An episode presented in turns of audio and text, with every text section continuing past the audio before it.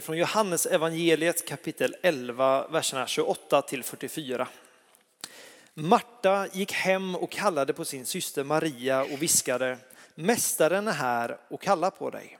När Maria hörde det steg hon strax upp och gick för att möta honom. Men Jesus hade ännu inte kommit in i byn utan var kvar där Marta hade träffat honom.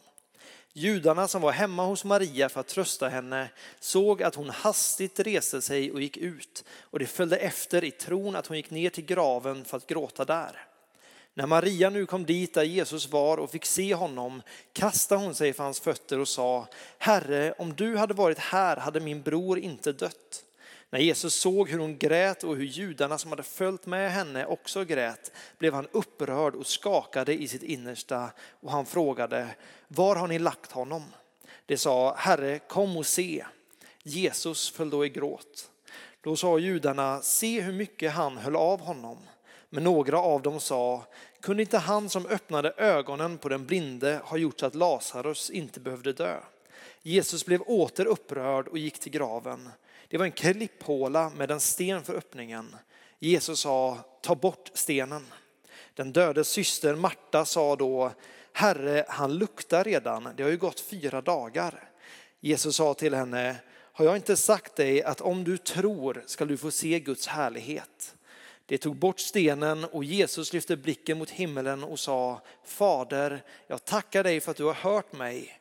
Själv visste jag att du alltid hör mig, men jag säger detta med tanke på alla de som står här, för att de ska tro på att du har sänt mig. Sedan ropade han med hög röst, Lazarus kom ut. Och den döde kom ut med armar och ben inlindade i bindlar och med ansiktet täckt av en duk. Jesus sa åt dem, gör honom fri och låt honom gå. Så lyder det heliga evangeliet. Lovad vare du Kristus. Eh, så det är mycket nya ansikten här idag. Varmt välkomna. Eh, för er som inte känner mig så heter jag Benjamin. Eh, jag läser teologi på Göteborgs universitet, så ni som läser religionskunskap kanske ser mig i korridoren på Humanisten. Jag är inte där jätteofta, så det finns en liten möjlighet i alla fall. Igår så var jag med och firade min systers 31 födelsedag. Och mina föräldrar var där. Eh, dels för att gratta min syster men också för att leka med hennes son på två år. Och de hade med sig vår hund, Windy som är nio år gammal. Och vi skulle gå ut och gå hela familjen. Och Sixten som han heter då, knatten på två år, han tycker det är så spännande att vara ute och gå med hunden. Så han frågar om han fick hålla i kopplet. Och så går han, vår hund är ganska försiktig så hon rör sig sakta framåt liksom, och han springer lite bakom hållandes i kopplet. Kommer ner på en gräsmatta där eh, Sixten går runt med hunden och så stannar hon och börjar lukta i gräset och vill inte gå vidare. Och så ser man liksom att Sixten börjar bli lite otålig. Varför rör hon inte på sig? Då är min stjärna till bror där, Samuel. Joel menar jag, heter han. Fel, fel bror, fel bror. Han, han sitter på en bänk längre fram. Och han kommer på den geniala idén att han ska hjälpa hunden på traven. Så han ropar på hunden som direkt blir glad och sticker iväg en illfart, vilket leder till att Sixten ligger som ett streck i luften. Flyger nästan två meter, landar på marken och börjar gallskrika. Och man bara ser liksom hur Joel bara, aj, det där var inte bra. Men det som är fascinerande är så fort Sixten har gråtit färdigt så går han upp och kollar, var är hunden så jag kan göra det en gång till.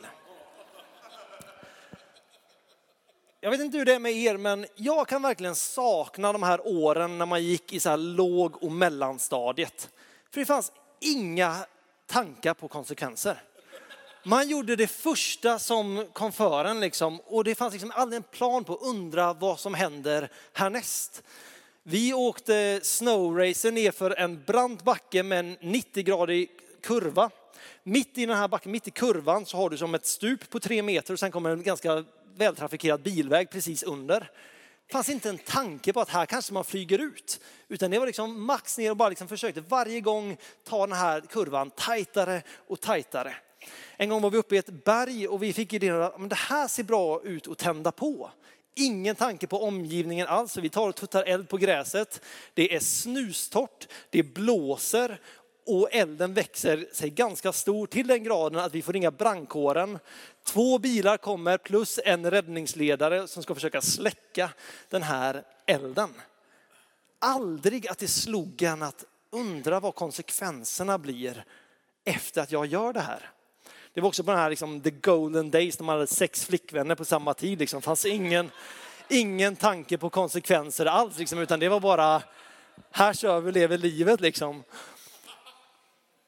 Det är lite roligt för Fanny sitter här bak i bänken och hennes stora syster Ida var min första flickvän. Och en gång var jag jättekär i Ida och frågade chans på henne och hon sa bara om Martina också får chans på dig. Och man var så här, ja, ja man får väl ta, ta en för laget liksom. Men det var, det var fria år, man tänkte inte steget längre. Och så börjar man bli äldre och kommer upp i högstadiet liksom, och man har en kompis som sticker upp med en raket mellan skinkorna och tänder på. Bara för att se vad som händer. Slutar med så här brännskador överallt. Liksom. Och tänker ja, han har nog ett par år av mognad kvar framför sig. Eh, men ju mer man växer, desto mer kommer man att börja tänka på konsekvenserna. Och så kollar man på sig själv idag när jag då fortfarande anser att jag är alldeles för cool för att ha cykelhjälm till exempel. Det finns liksom ingen poäng för mig att ha cykelhjälm, även om man kan trilla och spräcka skallen eller vad som helst. Utan det viktiga är ju vilket intryck man gör på gatan. Liksom. Eller när man åker buss och man tänker att man lever kvar i den här drömmen att åker man buss då behöver man inte säkerhetsbälte. Utan då är det, då är det safe. Uh, man tänker att ah, okej, okay, jag är odödlig. Det finns ingenting som kan stoppa mig. Jag har redan börjat planera för men vad ska man göra när man pensionerar sig? Vad ska jag göra när arbetslivet är slut? Jag har inte ens börjat arbeta än. Men man lever på något sätt i en bubbla av att ingenting kan röra en. Hur mycket ens konsekvenstänk än växer så finns det hela tiden någonting i en själv som liksom inte greppar det här med att människan är ganska bräcklig. Det finns ingenting som riktigt förstår vad döden egentligen handlar om. Jag bodde i London för ett par år sedan och vi åker tunnelbana. Eh, vi är på väg in mot en av eh, stationerna i centrala London. När vi helt plötsligt stannar i den här tunneln, eh, sakta, sakta åker vi sedan in på stationen som är helt tom. Vi får inte lämna vagnen utan helt plötsligt så kommer det fullt munderade SWAT-insatsstyrka inspringandes på stationen och börjar söka igenom våran vagn. Och vi får bara sitta där och jag sitter och tänker att oj, häftigt, coola vapen liksom. Och så bredvid mig har jag en, en tjej som är uppvuxen i London. Hon bodde där 2012 när det var terrordåd i tunnelbanan. Och för henne blir det bara flashbacks att nu är jag med om samma sak då. Medan jag som har bott i lilla Lysekil på svenska västkusten, som känner mig hur trygg som helst, möter en sån här situation och det enda jag kan tänka är att ah, det här kommer inte bli någonting, därför det händer ju inte mig. Och till slut får vi lämna vagnen och vi kommer upp och de har stängt ner hela den här stationen och det är militär överallt. Eh, det hände ingenting utan vi kom ut och det blev aldrig någon bomb eller någonting. Men min kompis var i chock resten av dagen, började posta på Facebook att jag är okej, okay, jag lever, ni behöver inte oroa er. Och vi som kom från helt andra sammanhang tänkte att det var väl inte så konstigt, det hände ju ingenting. Men det är oftast när det kommer någonting tragiskt eller någonting från ingenstans kommer att drabba kanske en familj eller någon som står nära som man öppnar perspektivet lite. Och man börjar förstå att okej, okay, det är inte så hållbart som det faktiskt är. Vi ska bara kolla vad, vad Bibeln egentligen säger. För Bibeln kan kritisera det här tänket om att vi är odödliga eller vi är oövervinneliga. Det står så här i Jakob kapitel 4, vers 13 till 17. Lyssna nu ni som säger, idag eller imorgon skall vi resa till den eller den staden och vistas där ett år och göra affärer och tjäna pengar. Ni vet ingenting om morgondagen. Vad är ert liv? Ni är en rök som syns en liten stund och sedan försvinner. Istället borde ni säga, om Herren vill och vi får leva ska vi göra det eller det. Men nu skryter ni och är självsäkra. Allt sådant skryt är av ondo. Den som vet att göra det goda men inte gör det, han syndar. Eh, vi läste i episteltexten förut så står det, men denna skatt har vi i lerkärl för att den väldiga kraften ska vara Guds och inte komma från oss. Bibeln beskriver människan som lerkärl, alltså någonting som är bräckligt, någonting som måste hanteras varsamt och försiktigt för annars går det sönder. Jag tror att de flesta här inne, kanske inte alla, men de flesta har varit med när livet brakar in. Någon nära som blir, får besked ifrån sjuk, eh, sjukhuset om en allvarlig sjukdom eller någon nära som, som går bort. Och för en liten stund så får vi ett helt annat perspektiv på vad livet handlar om. För en liten stund så börjar vi värdera saker och ting annorlunda. För att ganska snabbt komma tillbaka till att jag är oövervinnlig, jag kan göra precis vad jag vill.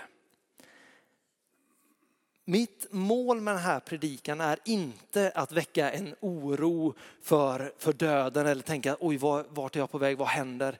För det, det är inte alls det som är målet därför ni kommer förstå snart. Det är, målet med det är att vi vet att Jesus är vägen, sanningen och livet.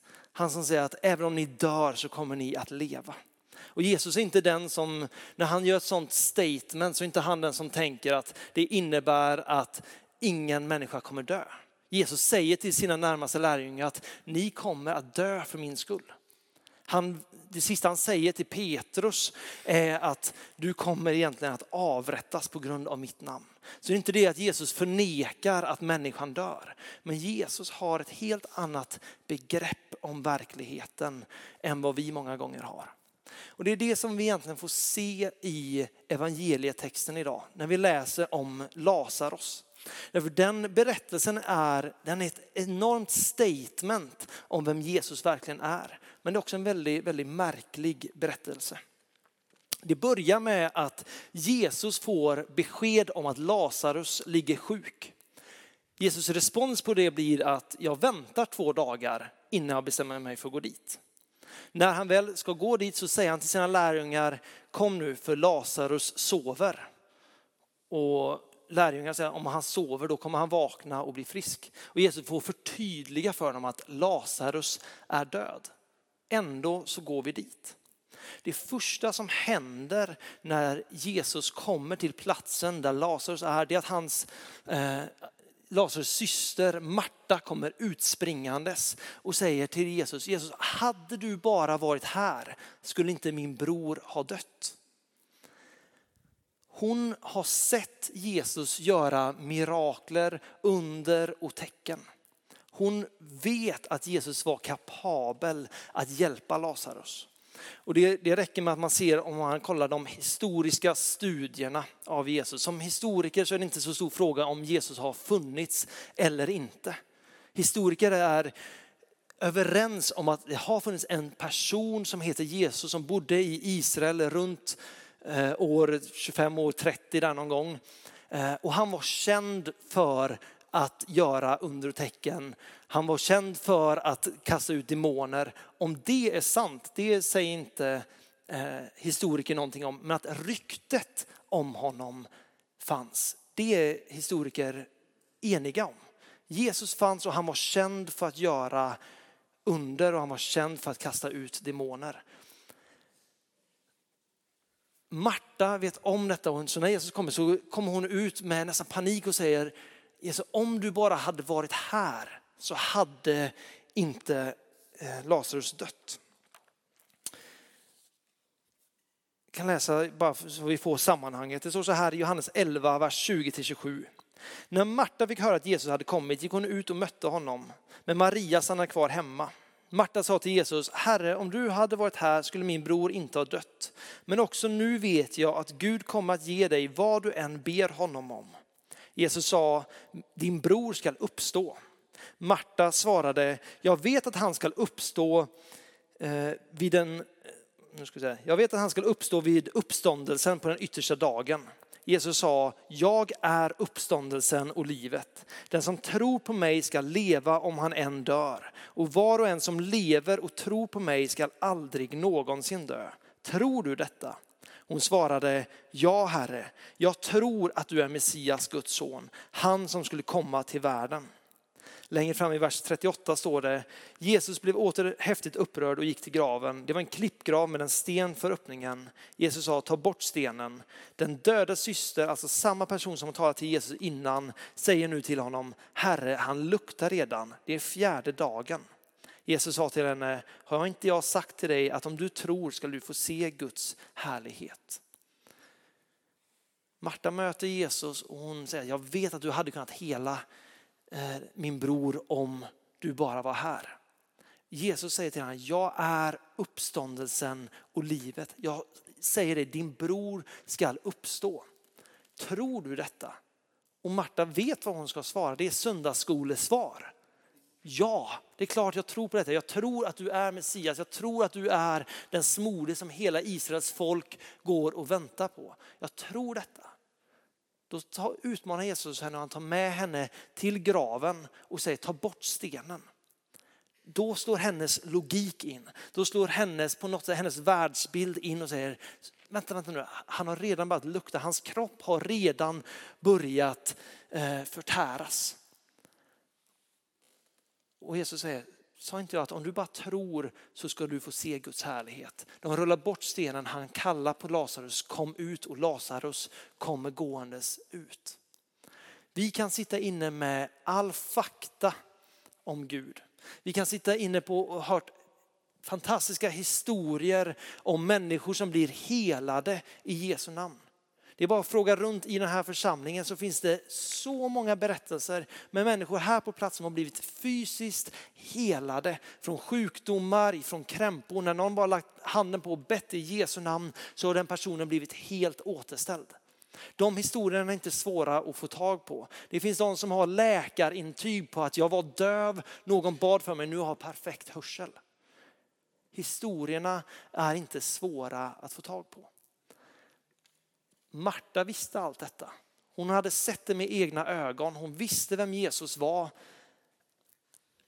Men hennes bror som redan har börjat lukta inne i graven, när Jesus säger att ta bort den här stenen så ska jag få honom att komma ut.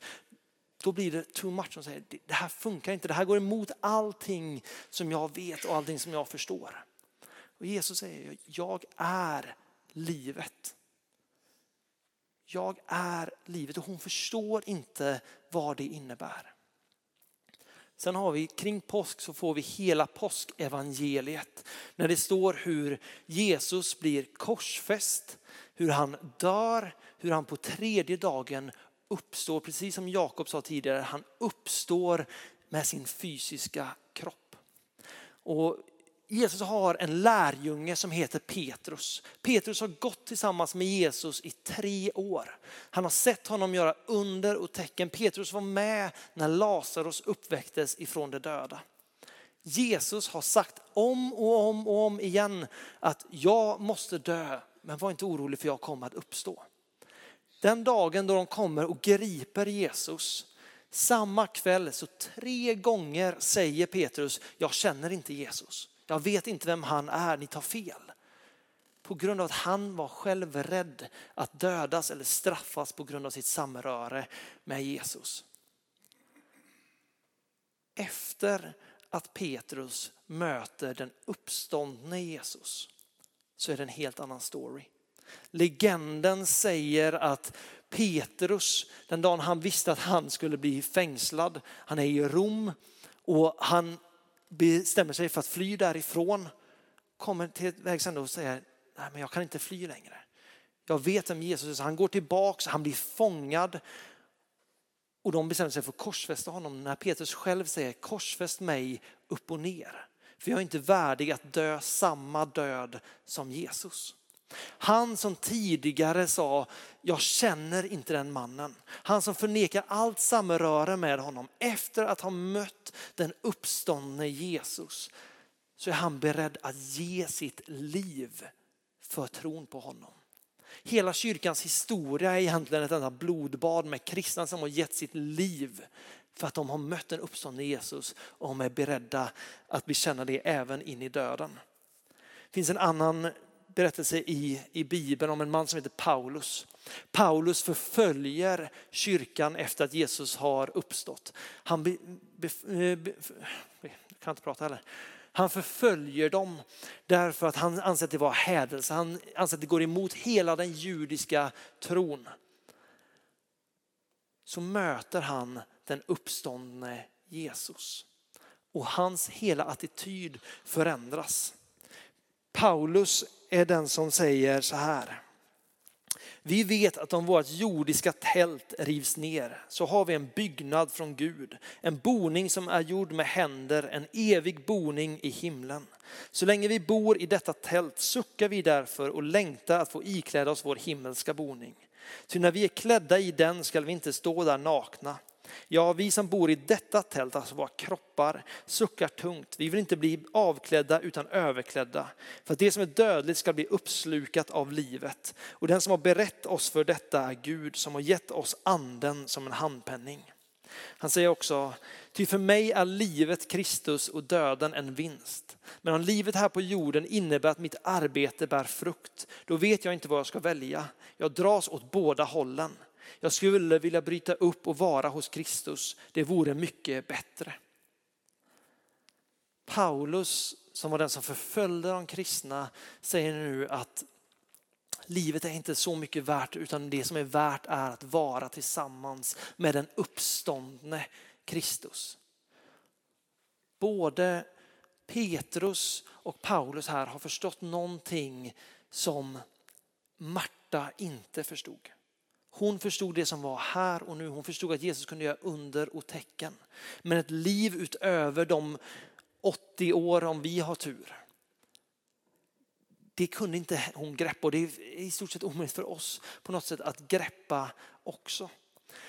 Andrew, en av våra pastorer här, han har pratat i det sista om att det handlar inte om att vi får ta emot Jesus, utan det handlar om att vi får bli en del av honom om Jesus är den han säger att han är, om det är sant att han har uppstått ifrån det döda, att han är vägen, sanningen och livet. Och vi får bli en del av honom. Då innebär det, om vi tänker nu och vi tänker evighet.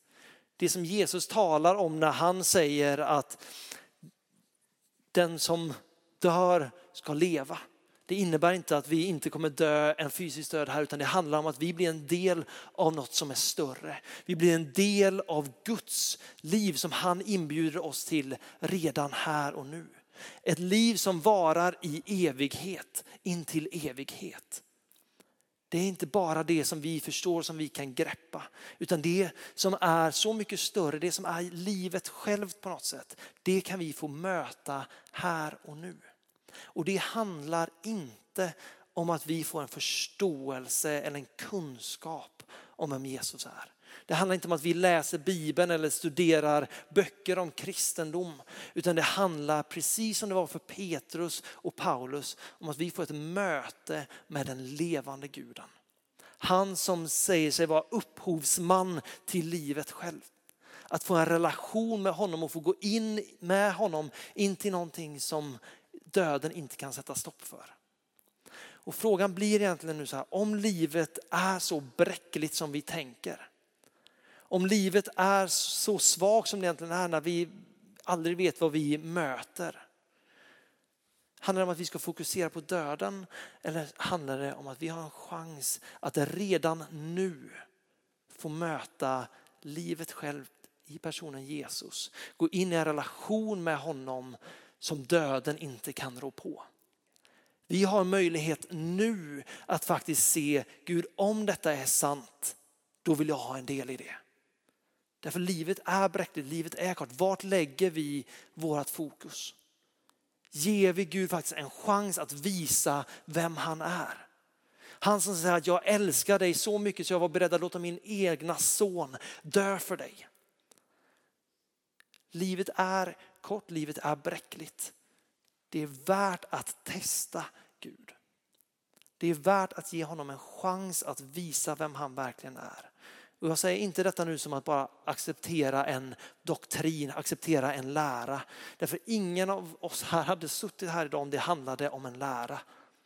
Det är bara att kolla på kyrkan idag. Över hela världen så ser du olika kyrkor som i stort sett slåss blodiga därför att de har olika sorters lära. Lära ger inte liv. Mötet med personen Jesus ger liv.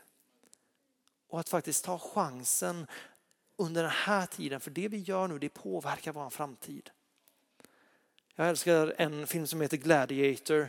Det är precis i början där så säger Maximus What you do in this life echoes in eternity. Vad vi gör här och nu ekar hela vägen in i evigheten. Vi får den här chansen att se Gud, finns du på riktigt? Är du den du säger att du är? Och låta han själv visa vem han är. Inte vad människor säger om honom eller vad människor tror om honom. Utan möta med livet själv. Han som säger jag är vägen, sanningen och livet som inte ens döden kan ro på. Han väntar bara på att vi ska säga Gud, är detta sant? Gud, finns du på riktigt? Mitt fokus kommer aldrig vara på döden. Mitt fokus kommer aldrig vara på hur bräckliga vi är. Mitt fokus kommer vara på honom. Episteltexten som vi läser idag den säger att den här skatten är lagd i lerkärl. Skatten, hans härlighet får vi möta i våran bräcklighet. Vi får ta emot det här och nu. Det är inte våran styrka, det är inte våran kunskap utan det är han själv som är beredd att ge till oss av sin härlighet. Att vi får förstå vem han verkligen är. Jesus sa till Marta att om du, har inte jag sagt till dig att om du tror så ska du få se Guds härlighet. Det är värt att testa. Bibeln säger att smaka och se att Gud är god. Det är en aktiv uppmaning. Smaka och se om han är god. Se om det håller. Men det är vi som på något sätt måste räcka ut handen. Det är vi som måste säga Gud om du är den du säger att du är. Då vill jag möta det. Jag vill inte bara höra om det från andra utan jag vill erfara det själv. Det har förvandlat mitt liv. Det har gjort att det inte är en rädsla för döden utan det är en längtan efter att få se vad Gud vill göra med mitt liv. Vi kan väl göra så att vi, vi ber tillsammans och sen kommer Jenny upp. Sen har vi trosbekännelsen också, så pekar Jakob här. Men vi, vi, vi ber tillsammans först. Jesus Herre, vi tackar dig för, för vem du är. Vi tackar dig för att du är vägen, sanningen och livet. Jesus, jag tackar dig för att vi har fått möta med dig. Jesus, jag tackar dig för att vi har fått en ny förståelse om vem du är. Inte av vad andra säger utan vad du själv talar. Så Jesus, jag ber att du får komma och möta med oss. Jag ber att du får visa oss vem du verkligen är. Helige Ande, jag tackar dig för att du var sänd till den här världen för att visa Jesus för människor. Så helige Ande, vi välkomnar dig till att visa vem Jesus är. Hjälp oss att få perspektiv på, på oss själva. På att vi inte är oövervinneliga i Jesus. Utan visa oss din sanning Jesus. Så vi välkomnar dig helige Ande till att möta oss och jag ber för veckan som ligger framför att vi där tydligt får se vem du är. Vi ber om det i Jesu namn. Amen.